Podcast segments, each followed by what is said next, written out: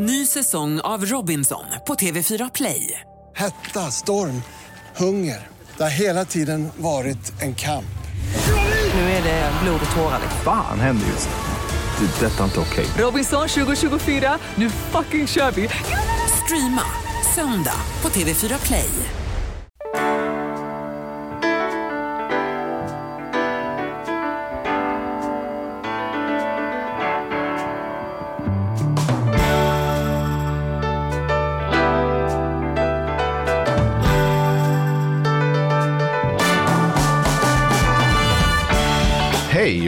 Välkomna till På riktigt med Charlie och Mattias.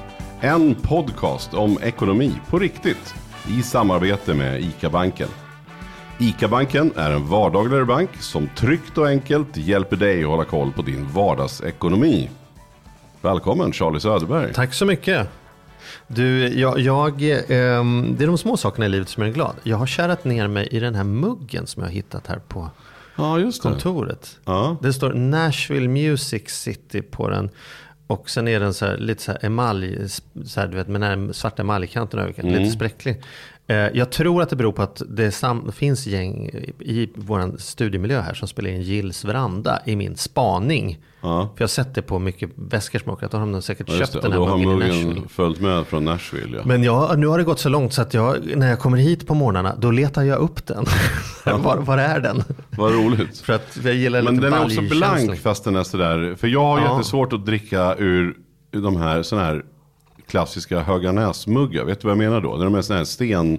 Ja. De är så här, de är inte blanka liksom. Nej, lite rough Lite yta, mer så- raffigt ja. Och det, då tycker inte jag det smakar. Jag vet inte, jag vill ha en, jag vill ha en slät mugg mot munnen. En slät kopp kaffe. Exakt så. Nej men jag, det, är något, det är något med de där. De där som jag, men, på- men den där ser jag att den är blank. Liksom. Ja, ja. Nej men rör inte den här. Det här är min. Jag bara säger att eh, en, en, en shout-out till Gills veranda som har bidragit i mitt liv med en Mm. Ja. mugg här på kontoret. Ja, bra.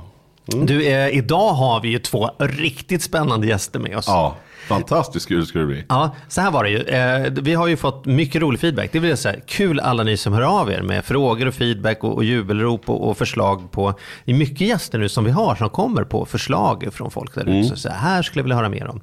Eh, och då fick vi in följande. Är det inte lite konstigt att ni har så mycket intressanta gäster men att liksom vi inte har fått lära känna er så mycket? Någon som ville ha dig som gäst Mattias och mig som gäst. Så då tänker vi att nu ska vi prova då och, och eh, ha oss själva som gäster. Känns jävligt lustigt. Men...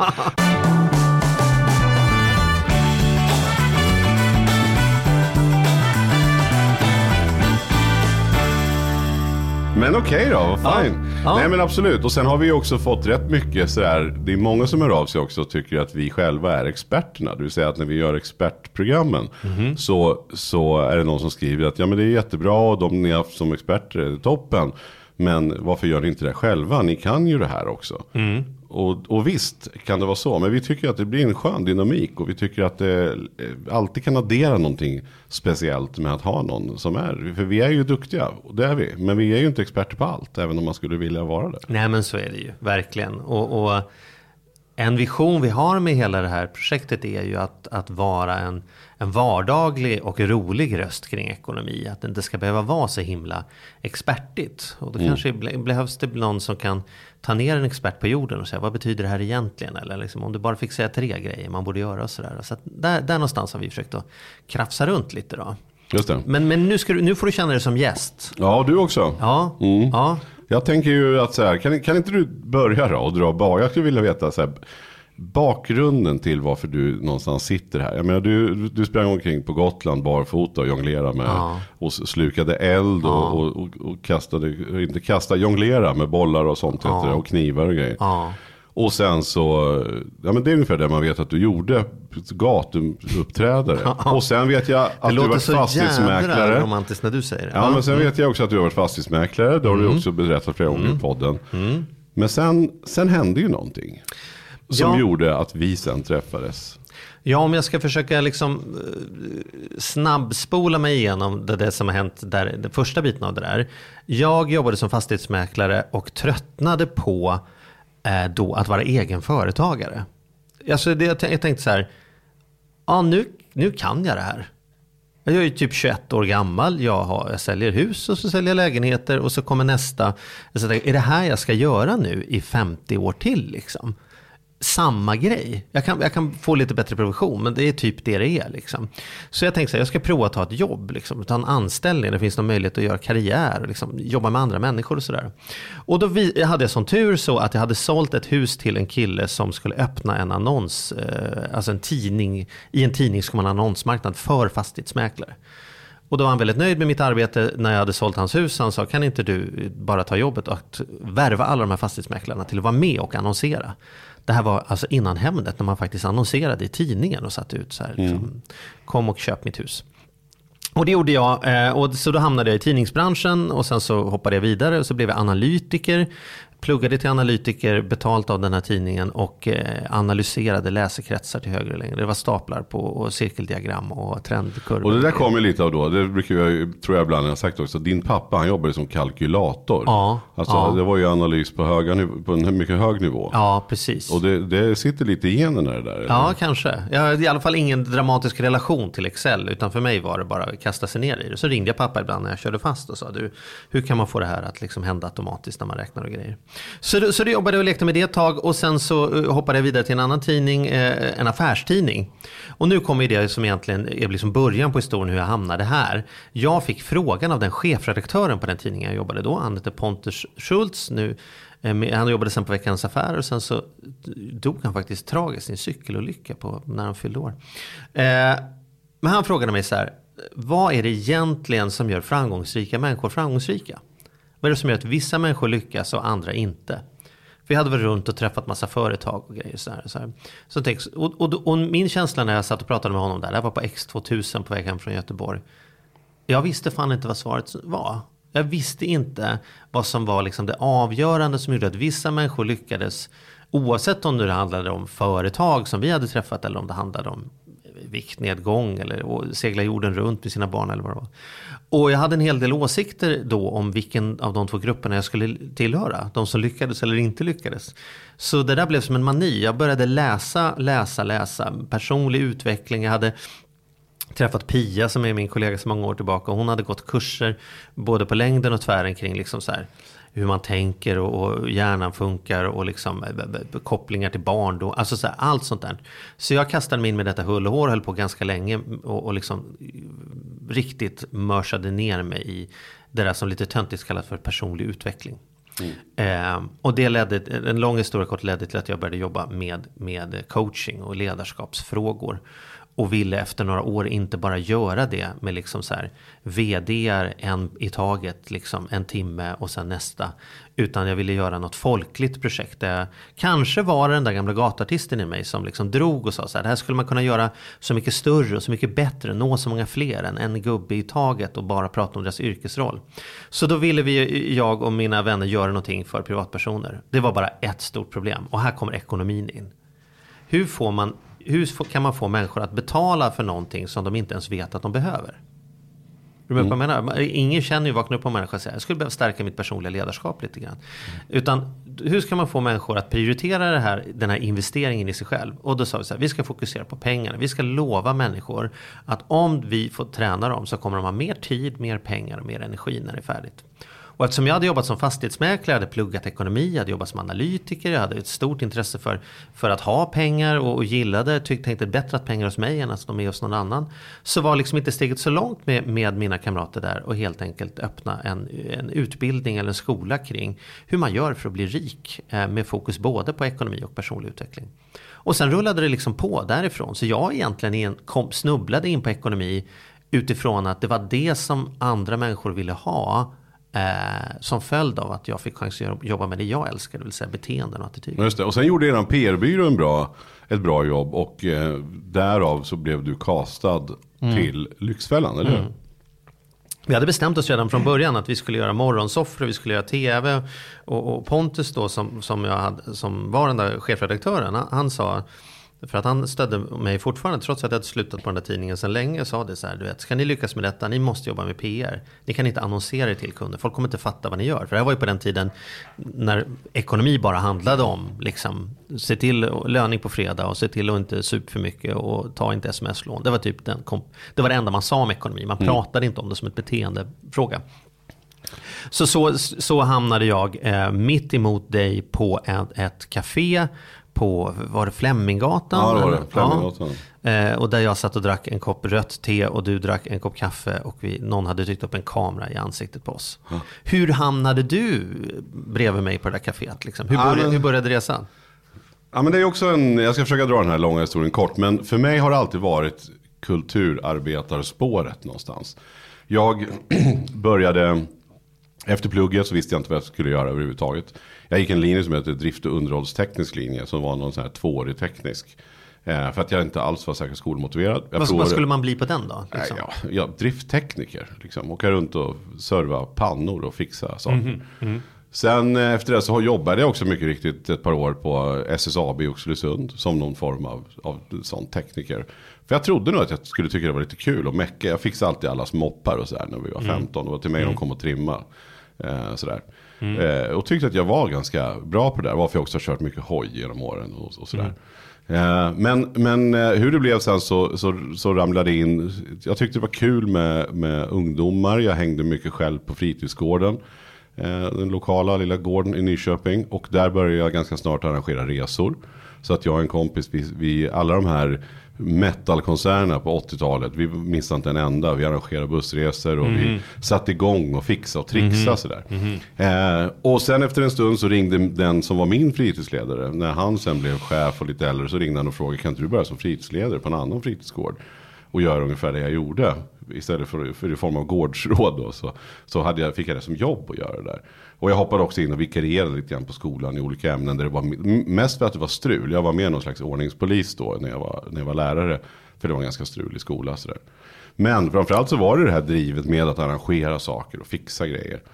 Ehm, sen hade jag... Men hade han inte ringt där, då kanske du hade varit drifttekniker eller bilmek idag. Ja, jag vet inte riktigt vad jag hade gjort faktiskt. Eh, Men, men någonstans var det väl det här. Men, ja, men och sen, sen eh, så träffade jag en kompis som gillade att träna mycket.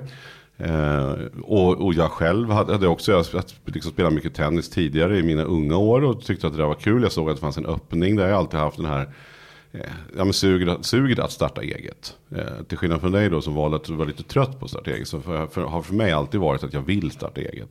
Så att jag drog igång ett, ett gym eh, 92 i Nyköping. Som, som skulle vända sig till, till alla. Inte de här byggargymmen där de tog stora vikter och drack allt möjligt. Eh, både bra och dåliga saker antar jag. Jag är en dålig kalenderbitare, men i 92, är det rätt timing? Är det precis Ja men det var då när aerobiken kom och liksom Ja. steppbrädans in, intrång i, i, i världen. Och Just det. och Liksom, det blev mer okej för alla att gå och träna. Man behövde inte liksom bara vara byggare för att gå och träna. Så du var liksom Folk- helt rätt på den Ja, jag var helt rätt på den bollen. Ja. Men vi hade det jättetufft att att få igång. Vi köpte för dyra grejer. Vi hade för lite ekonomi. Jag lärde mig skillnaden mellan balans och resultat. Ja. Ja, Vilket var ju den hårda vägen. Ja. Vi hade inte råd att ta in någon som skötte bokföringen. Utan jag hyrde, jag gick till, till vår revisor och så sa jag, jag vill hyra dig i åtta timmar.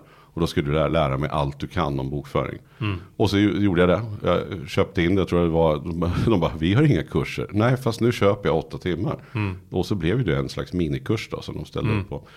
Sen därefter så skötte jag bokföringen och redovisningen. För att vi hade inte råd. Så jag satt där på kvällar och helger och bokförde. Och, och då var jag fascinerad och särskilt vart jag fascinerad när, vi, när jag fick ihop det så att säga. Men jag fick tyvärr aldrig siffrorna att gå ihop. Och min kollega som jag hade stället med, jag var, hade en väldigt en- engagerad pappa. Precis som min pappa också var engagerad. Men han vart sjuk och, och gick bort helt enkelt. Och det var tungt. Vi kunde inte ta ut någon lön.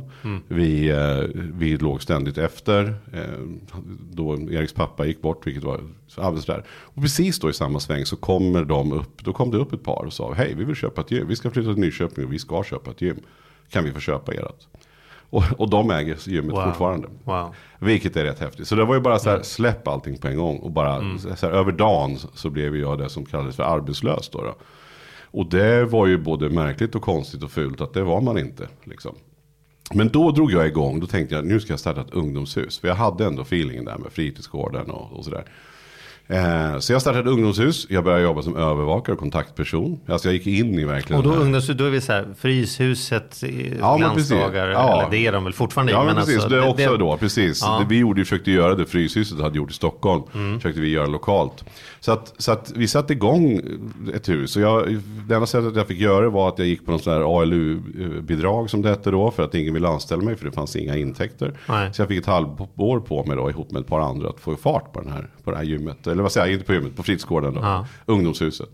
Eh, och jag kommer ihåg en grej som jag var extra stolt över var att man då var tvungen att få, vi försökte ju få pengar från kommunen för att få hjälp med det här. Det går inte att finansiera ett sånt här hus annars. Eh, och då tänkte man sig, vad ska jag göra för att lyckas övertyga kommunen att det här är på riktigt? Och då gav jag mig inte, så jag hade bestämt mig för att kronprinsessan Victoria ska komma och inviga en festival. Så att vi gör en festival, hon ska komma och inviga den, vi kan få ett bidrag. Fruktansvärt smart sätt Ja. att få gubbarna att ta det på allvar. Exakt så. Så. Och så var det. Eh, och tanterna. Så att, Mm. så att eh, jag, med några möten med hovmarskalker och några varv till slottet. Så Ja. efter en stund så kom hon. Ja. Och vi körde festivalen ut efter det. Ja. Och nu, ni har varit vänner sedan dess?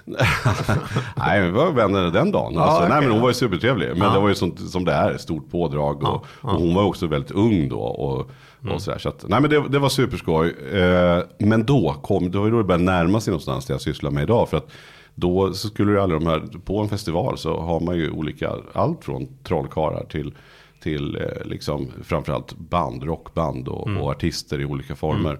Så var det så att jag märkte då, för att det var jag som gav dem gaget när de hade, jag hade för det första satt jag och bokade dem.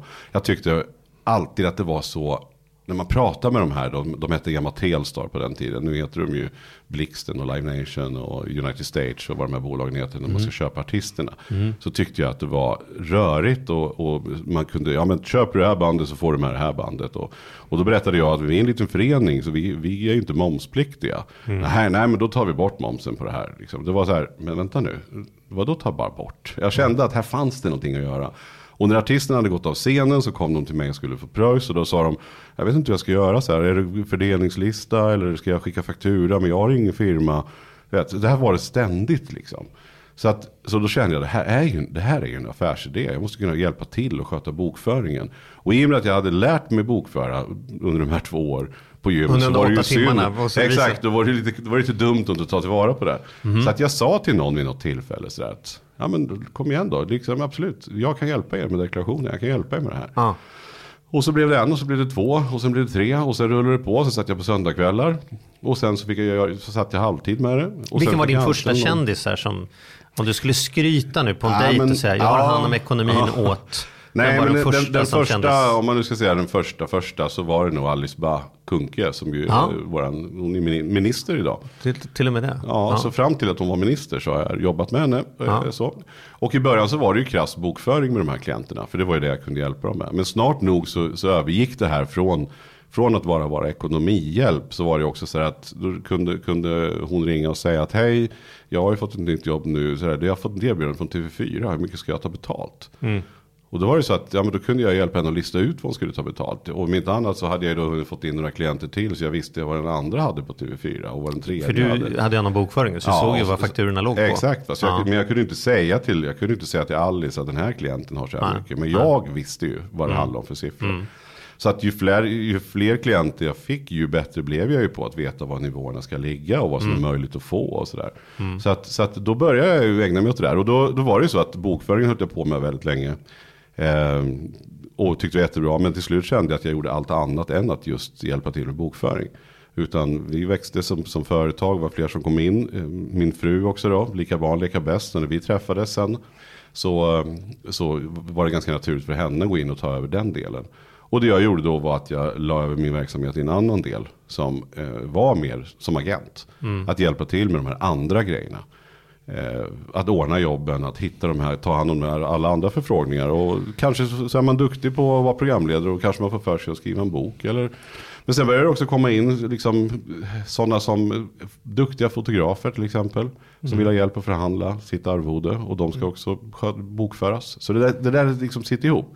Men vi har valt att lagt i två olika bolag nu då. Så att Malin driver bokföring och redovisningsbyrån. Malin min fru alltså. Och den andra delen driver jag med två andra kollegor. Som är en ren agentverksamhet. Men innan dess så satt ju vi oss och träffas med den här koppen te. Hur hamnade du i... Ja, och då var det ju så att Meter Film och Television som, som eh, startade, eller som ju kom på, eller ja, drog igång Lyxfällan, ringde mig. De jagade mig en sommar. Jag trodde att det var någon sån här, de, jag trodde att de jagade mig för att de skulle ha tag på deltagare i någon slags lekprogram eller något sånt där. Ja. Och jag För- kände för det, jag var så- mitt i så var sommaren. ditt liv liksom. Så- ja, men då kunde de ringa och sen så ja. bara, så vi- hej vi ringer från Meter, det är viktigt att du ringer upp. Och då tänkte jag, ja, är nu, vem är det nu som hoppar av? eller? Nu är det Vad Fångarna på fortet Ja, nu ska det in något nytt så här liksom. Men då till slut så ringde jag ju upp. För jag minns att det var semester. Så jag kände så här, jag har ingen lust att prata med dem nu. För Mm. att allt var löst. t- Trodde jag. Men så ringde de och så sa de det. Så här, vi ska göra ett seriöst ekonomiprogram på TV3. Och vi vill att du ska vara programledare. Mm. Och det var ju bara så här, tre fel av tre möjliga. jag bara skrattade, kommer jag ihåg. Och sa, vilket skämt. Ja. Eh, men då förstod jag ju sen, och, och det jag tyckte var tre fel, det var just att, att TV3 skulle starta ett ekonomiprogram, det fanns ju inte. Eh, att det skulle vara seriöst var ju ännu mindre troligt. Och att jag skulle vara programledare var ju den absolut mest otroliga. Eh, men Så att, och jag trodde nog att det här var någon så här, nu är jag utsatt för en ny svensexa. För på min svensexa så vart jag utsatt för lite sådana här mediagrejer. Aha, För jag har ofta så här skrytit och sagt att ja, men jag är nog bra, jag kan nog fixa det mesta. Men vara framför en kamera, det, det kan jag aldrig vara. Eh, Så jag fick äta upp då på svensexan. Men, så jag trodde det var någonting, nu är det, nu är det något lurt här, nu är det någon som lurar mig. Men sen förstod jag att det inte var det. Och sen sa de ju, men du kan väl åtminstone ta eh, en fika med den andra som är tilltänkt. Och eh, det var ju du. Ja. Och då minns jag så tydligt när du, hur jag tänkte vilken snobbig jävel. För de frågade så här, vill, vill ni ha varsin kopp kaffe grabbar? Och du bara, nej jag vill ta eh, rött te. Finns inte det så kan jag ta grönt. Ja. Och jag tänkte vilken jävla snobb tänkte jag. Ja. ja. Eh, men det fick Så ju. det är ju, det är ju du vet, redan första intrycket satte du ju direkt. Ja, nej, men så- så jag har ju en ganska lång, så här, och egentligen inte, jag är absolut inte civilekonom. Nej. Utan jag har ju lärt mig genom bokföring och redovisning och har tagit det den vägen. Sen har jag sett till alltid att ha jävligt bra människor. Att, att anställa människor som är jävligt duktiga och bättre än vad jag själv är. Eh, och eh, ja, se till att leverera ett bra, göra ett jävligt bra jobb.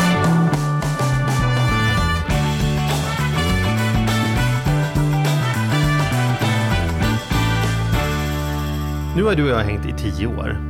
Eller mer än tio år. Typ Ja. elva år snart. 2006 var det ju som vi samlades inför det där. Eh, Och Ja. sen så vet inte jag när det gick i luften. Men jag tror det gick slutet 2006 första. Ja, ja du Ja. ser. Ja, då är det mer. Det, ja. Eh, är det inte lite intressant ändå? Vem hade trott att du och jag skulle ändå hamna på topplistan då över Sveriges mest kända ekonomer? När ingen av oss är ekonomer. Eller kanske är just det som är grejen. Att vi inte är rädda för ekonomi och vi har jobbat med ekonomi fast från två helt olika håll. Jag är en personlig utvecklingskille som jobbat med ekonomi och du är ju lite mer en ekonomikille som jobbat mycket med ungdomar och personlig utveckling. och Men det var väl också, vi får väl också ge dem som, och inte för att vi sitter här och pratar om vår egen förträ- förträfflighet, absolut inte. Men Nej, för den är ju uppenbar. ja, den är uppenbar. Ödmjuka som vi är. Nej då. Nej då. Men, men faktum är att det jag menar är att i castingprocessen så hörde ju jag att de hade ju intervjuat, de säger hundratals, men låt oss säga att det kanske var 20 eller 50 revisorer och kände inte att de fick Alltså det kanske är för att vi inte är för ekonominördiga som gjorde att det här funkade i Lyxfällan. Det skulle vara, jag kommer ihåg när, när jag sa så här att ni måste, ni måste göra en budget. Och hur jag kom upp med ett jävligt bra Excel-ark som jag Ja. tyckte funkar. Det här kan ni visa i bild. Och, jag, de är bara och det är klart att jag hejade på Excel-grejen. Ja. Jag kanske sa att vi kan lägga till någon typ av staplar här så det är lite precis. visuellt. Men och då var det så här, nej, nej, nej, nej, det här är tv. Så, här. så, att, så att i och med att det skulle vara på en vardagligare nivå. För jag tycker ofta själv att jag blir störd av, jag tycker ändå att jag är duktig på ekonomi. Men ibland när man sitter, och det vet jag att vi pratade om då, när man sitter där och tittar på Rapport Aktuellt och de har någon ek- ekonomiexpert. Så fattar inte ens jag ibland vad det är den där experten står och säger. Liksom. Nej. Det är som att när det kommer till ekonomi och ekonomi-tv så ska det vara lite för svårt för att någon ändå ska fatta det. Ja. Alltså de som är skitduktiga på ekonomi, de pratar till andra som är skitduktiga på ekonomi. Ja. Men det gör att vi då, folket, fattar inte. Mm. Och det tror jag var den styrkan först när vi gjorde Lyxfällan. Att, det, att prata på ett sätt så folk fattar. Mm. Det var väl vår grej. Men sen hade man ju aldrig kunnat tro att du och jag skulle eh, ja, men funka så jävla bra ihop. Mm. Vi var ju också väldigt överens om när vi skulle hoppa av mm. Lyxfällan och varför vi gjorde det. Det fanns ju inget snack. Jag kommer aldrig glömma när, när vi ringde och sa det. Och eftersom jag också då jobbar som agent och förhandlar rätt mycket avtal och sådär. Så, så trodde ju de, de var helt säkra där uppe att jaha, nu är de förhandlingssmarta. Ja, De ringer och säger ja. nej tack. Och vi sa, nej men vänta nu. Och de bara, kan vi inte ta ett möte om det här? Ja men vänta, vi sa ju precis nej tack. Det betyder nej tack. Vi är klara. Vi är klara. Ja men om vi gör så här och så här, så här, så här, så här. Nej, vi, vi blir inget. Ja, det var och det blev det ju inte heller. Ja. Nej men det, det är också lite så här, tror jag. Och det var ju i min del, det tror jag vi har nämnt förut, men för, för min del var det ju mycket det här att det blev ju inte vad det var tänkt, programmet. Det var ju, i första hand så var det ju tänkt till Bromma-familjen, det var av namnet Lyxfällan. Det var ju verkligen tank, Där tanken ytan var för... allt. Man liksom går på Café Opera på kvällarna men man har pansat möblerna hemma. Liksom. Ja, den klassiska Bromma-familjen som har lite för stor grill, lite för stor båt, lite för fin bil.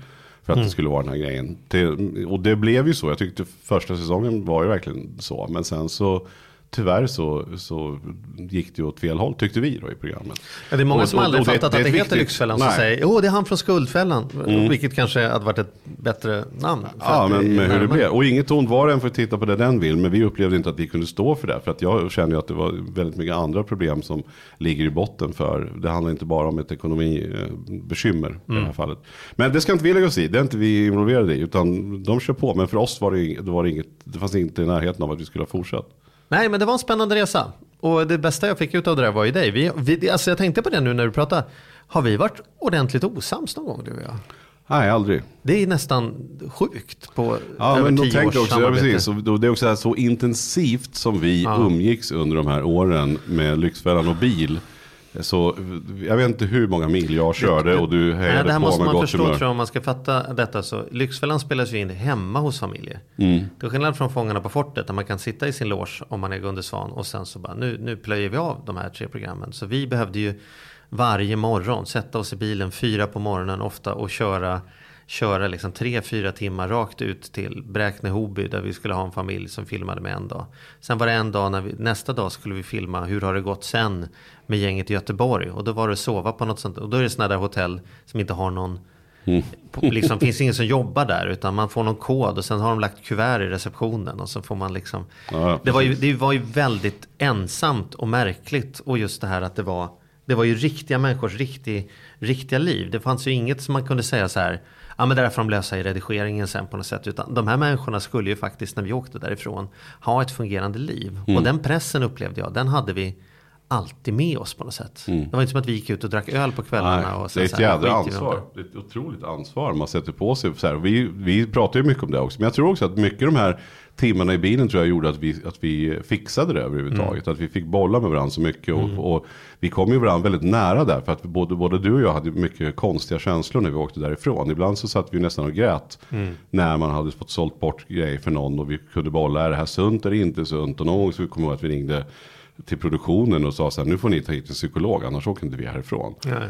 Eh, Det var ju mycket så här starka känslor. Mm. Och, och det tror jag att de där fick vi bearbeta rätt bra tillsammans. När vi satt och körde bilen sen hem i fyra, fem timmar. Eller åkte till det där hotellet.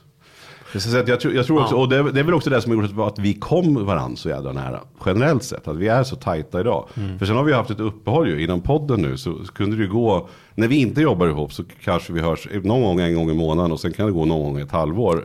Ja, utan vi- att vi ens hörs. Det är ju liksom. därför vi jobbar ihop. För vi gillar att hänga och vi märker att det händer ju inte om inte vi har ett Nej, för man lever på så olika plan. Det Man har olika bolag, Ja, ja. man har olika. Men, Visst. men det är aldrig så att vi har en startsträcka. Om det inte Nej. hörs på åtta månader så är det ju ändå samma kommentar dagen, alltså första snacket. Eller, vilket är häftigt. Och det är också så här, man har fått en, en vän för livet liksom. Och det, är ju, det får ju vara den stora bonusen. Men du, apropå det här med att det var, att det var hårt och tufft. Och det vill jag faktiskt säga då som någon sån här, en, en eloge till TV3. Att många tänker så att TV3, ja då gör man det väl så, så snaskigt det går liksom. Men det tycker jag verkligen, när vi jobbade, det var otroligt mycket som vi valde att inte ta med i programmen för att inte hänga ut de här familjerna. Och det var aldrig något tjafs om, utan det liksom ändå respekterades fullt ut. Nej, men Det här handlar om deras ekonomi och deras ekonomiska beteenden. Det andra lämnar vi utanför. Eh, Jag vet inte, jag vet inte hur det är, det jag har faktiskt inte sett. Om jag ska vara helt ärlig, jag har inte nej. sett något avsnitt på länge nu. Men jag vet inte, jag hoppas att det är samma som det är fortfarande. Mm. Men sen gjorde vi plus ett varv dessutom. Eh, och jag har varit kvar längre än dig på plus. Mm. Eh, så. så det var ju också spännande. Sen. Och du hann in tillbaka och göra tonårsbossen. Så. Ja, det var fantastiskt roligt. Så att, eh, men där någonstans så träffades ju vi några, eh, eller träffades, vi slutade ju aldrig träffas. Men, och så sa vi så här, nu ska vi ta tag i den där podden. För vi bestämde oss för att göra den här podden för skitlänge sedan. Mm. 2010 bestämde vi oss. Ja. Sen hade vi lite startsträcka. Ja men sen säga. var det ju så här att vi, i och med att man är på SVT då så, så, ehm, så funkar det inte. Att, eh, att göra, alltså man kan inte hitta partners eller sponsorer som ligger utanför. Det kan man inte ha. Och eh, SVT själva var inte intresserade av att göra en podd. Och framförallt inte då. Då fanns det ju knappt mycket poddar. Eh, Jag har lyssnat på poddar i 25 år och många tror ju att det var Filip och Fredrik som tog podden till Sverige. Eller som har ens kommit på fenomenet podd. Men herregud, radioprogram har ju funnits i hur länge sedan som helst. Och bara att de ligger på nätet, det är ju skillnaden. Men vi bestämde oss för att skriva en bok och släppa en podd. Boken fick vi okej att göra, den fick vi slutföra. Ja, det gjorde vi direkt. När vi liksom började med plus. Men, men podden blev ju kvar och det är, den, det är den som vi gör nu. Och det kan man också säga i, i efterhand säga så här, det var ju jävligt nära att det inte blev någon podd. Vi Mm. var, det var snubblande nära att vi två hamnade i någon typ av byggprogram istället. Eh, men vi satt i din bil och tog ett klokt beslut på den där berömda magkänslan. Är Mm. Ja, för det är ju så ver- kul. Det, det, verkligen ska vi, säga. vi ska ju också säga, vi, det är ju väldigt roligt. Vi får ju fortfarande en hel del förfrågningar från Mm. olika bolag eh, om att vara med och spela in någon pilot hit eller göra det här dit. För att det finns så mycket i den här ekonomisnurren och det känns som att det, det tar verkligen inte slut. Mm. Eh, det är lite grann som matlagningsprogram, det kommer nog aldrig att ta slut. Mm. Jag tror att det är lite samma med ekonomi. Så vi får en del förfrågningar som känns mer eller mindre bra. Och det här var väl i och för sig ett, ett, en helt okej, ett, kanske ett helt okej program. Men det skulle betyda att vi återigen var tvungna att resa, Resa mycket runt, och resa runt som där vi inte riktigt är i livet, varken du eller jag. Och mycket Det tragedier som skulle städas upp. Och, Ja. ja. och det i och för sig skulle vi väl fixa, men just tidsmässigt. Ja, men det var ju härligt att vi kom skulle fram till det. Svårt, Nej, det vi- går inte med våra respektive bolag som Ja, vi har. ja. Det skulle ta för mycket tid. Och då var det ju verkligen, men det var ändå nära. Och då får jag ändå säga att det var ett jävla kul beslut vi tog. Att starta den här podden. Ja, nu gör vi detta fullt ut på allvar, gör vi ingenting annat, utan nu är det podden som gäller. Ja, men det, har, det är ju fantastiskt spännande. Du, eh, om du skulle så här, summera din relation till ekonomi då, det är en sån fråga vi hade ställt om någon annan var gäst. Mm. Så, så liksom, om man vill göra en Mattias Andersson, om man skulle kopiera dig, vad, vad är, vad, vad, vad, vad, Nej, men jag, jag har alltid gått, jag har svajat lite sådär, men jag har alltid gått på, på att den som, det är så här töntigt, så därför vi har, vi har en logga som vi har tagit fram, som så här, den som spararen har, jag kan tycka det är så jävla töntigt att säga det liksom. Men, men jag minns, alltså när, när vi var små, jag och min syrra, så hade vi alltid en snäll farbror som kom två gånger om året. Och när han kom och hälsade på, hade han alltid med varsin stor påse godis. Jag fick, vi fick knappt äta smågodis överhuvudtaget, för att det var onyttigt och min mamma tyckte verkligen inte att det där är någonting man äter. Jag fick inte ens äta isglass normalt sett. Men då, då kom han med den här smågodispåsen och det var ju liksom julafton varje gång. Men det satt jag och min syrra. Men då visste jag att hon var mer glupsk och skulle liksom dra i sig de här godisarna snabbare. Då satt jag där och smöghåll nästan på de där. För att, det är, ju, det är ju på gränsen till elakt. Men, men alltså jag gick och sparade, hade den där. Så att hennes påse var ju alltid slut på en dag. Och jag hade väl min kvar i två veckor. Nästan så långt så att vissa karameller som skulle ha varit mjuka, de var hårda. ja, liksom. Och det där har lite följt mig faktiskt. Jag, jag köpte min första bil för 1200, jag sålde den för 6000. Mm. Saab B4 för övrigt. Eh, Jag köpte nästa bil då för, för 6000 eller för 5000 och sen sålde jag den för 10. Samma sak med motorcyklarna. Aldrig lånat någonting utan liksom sakta byggt, fixat, byggt, fixat och så här, ordnat. Och det där har varit lite min grej. Och jag, så, så mycket så att banken många gånger har tyckt att varför så här, det är okej att ha lån. Det gör ingenting. Och jag bara känner, nej fan. Liksom. Så att det hade säkert många gånger varit smartare att man skulle ha, och det fattar jag, det skulle varit smartare att, att liksom placera rätt och lägga i de fonderna där och de aktierna där och, och stoppa det här hit, köp lite optioner på det här eller någonting. Ehm, men jag har, och det har jag väl gjort, provat lite. Jag hade lite flytande med Ryssland någonstans runt millennieskiftet. För det var någon som sa att jag skulle göra det. Inga stora pengar så här. Men, men för mig har det varit den ganska tråkiga, långsamma vägen egentligen. Så, så det är väl så som jag är lite grann. Att, att jag spar och eh, gnuttar och gnetar och sen köper jag. Sen, sen har det, står ju det där i takt med vad du har att röra dig med självklart. Men, men det, det ska jag ändå säga, det har varit så faktiskt. Själv då? Nej, men jag tänker att där är jag ju ganska mycket din motsats då, kan man säga. Och det tror jag man märker om man hängt med oss nu så har man nog fattat det där. Du är, du är ju en stabil boy i bukten. Eh, står ju för mycket trygghet och sådana saker. Och jag är lite fladdrigare, eh, Du är äventyrlig. badankan som flyger omkring i ja, den där. precis. Och du behöver mig, annars blir det tråkigt där nere på botten. Och jag behöver dig, annars så drar jag iväg till himlen. Men, nej, men så att, jag är ju väldigt mycket efter, min ekonomisyn handlar väldigt mycket om synergier. Hur kan ett plus ett bli tre? Hur kan jag göra saker smartare? Hur kan jag göra det mer intressant? Hur kan jag använda mitt intresse för att hänga med dig och samtidigt se till att jag får en inkomst av det? Hur kan jag eh, ta det här bolaget, gifta ihop med andra? Jag, jag, jag, älskar, jag älskar affärer. Affärer tycker jag är jätteroligt. Jag har jobbat med försäljning sedan jag var, var nio år gammal eh, på olika sätt. Och jag gillar den kommunikationsformen. Jag, jag, eh, jag, ty, jag tycker det är roligt. Och egentligen inte pengarna det handlar om utan det är, det är att lägga pusslet, det är synergin, det är att ett plus ett blir tre. Det, det är den där drivkraften. Så, så ibland kan jag göra Säkert, det är nog, kan också vara lite så här haren och sköldpaddan. Över tid så har du säkert fått upp mer pengar genom att göra de där små enkla sakerna varje dag än vad jag har lagt massor med energi på. Det här vidlyftiga projektet som inte blev någonting. Men, men, men det passar mig, men jag behöver ju också ta hand om den där basgången. Och då är det bra att jag har människor, apropå att ha Och- bra människor ja, omkring sig, som dig som stödjer det där. Och jag är också lite grann, jag får ju vara ute och köra det där spelet lite grann och lägga det där pusslet när jag gör för mina klienter många Mm. gånger. Men, men där är det också rätt roligt därför att jag som agent ska ju vara den som driver på affären, hittar affärerna, gör att de får jävligt mycket mer pengar kvar i plånboken för att Mm. jag är smart. Och, och det gör jag också. Eh, Men många gånger är det rätt häftigt för de klienter jag jobbar med, de har ju en alldeles, eller de har en, många har en för stor tilltro till sig själv. Mm. Att jag blir så stor så här nu så att nu gör vi de här dealerna som ingen annan har gjort. Ja. Eh, Nu, ska kan jag det vara. nu ska jag öppna restaurang för jag Ja på eller, ja, eller nu ska jag, nu ska jag få tio gånger mer pengar än vad någon annan har fått.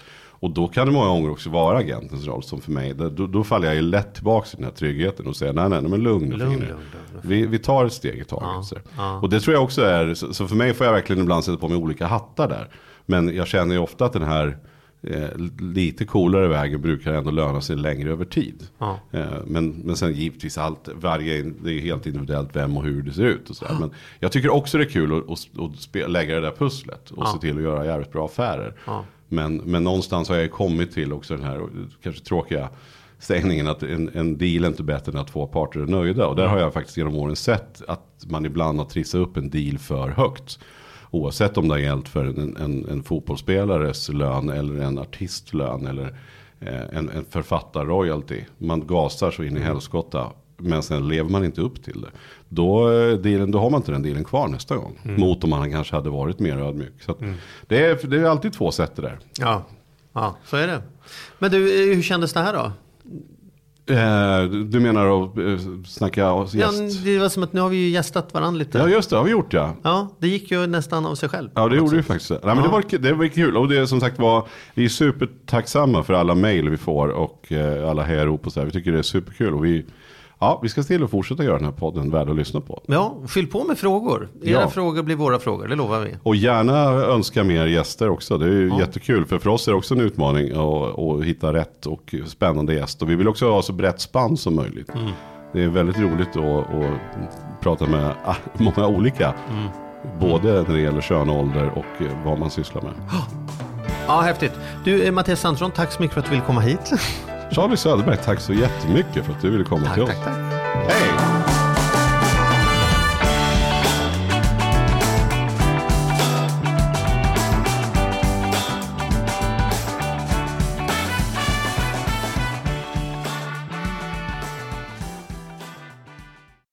Ny säsong av Robinson på TV4 Play. Hetta, storm, hunger. Det har hela tiden varit en kamp. Nu är det blod och tårar. Fan händer just nu. Det. är Detta är inte okej. Robinson 2024, nu fucking kör vi! Streama söndag på TV4 Play.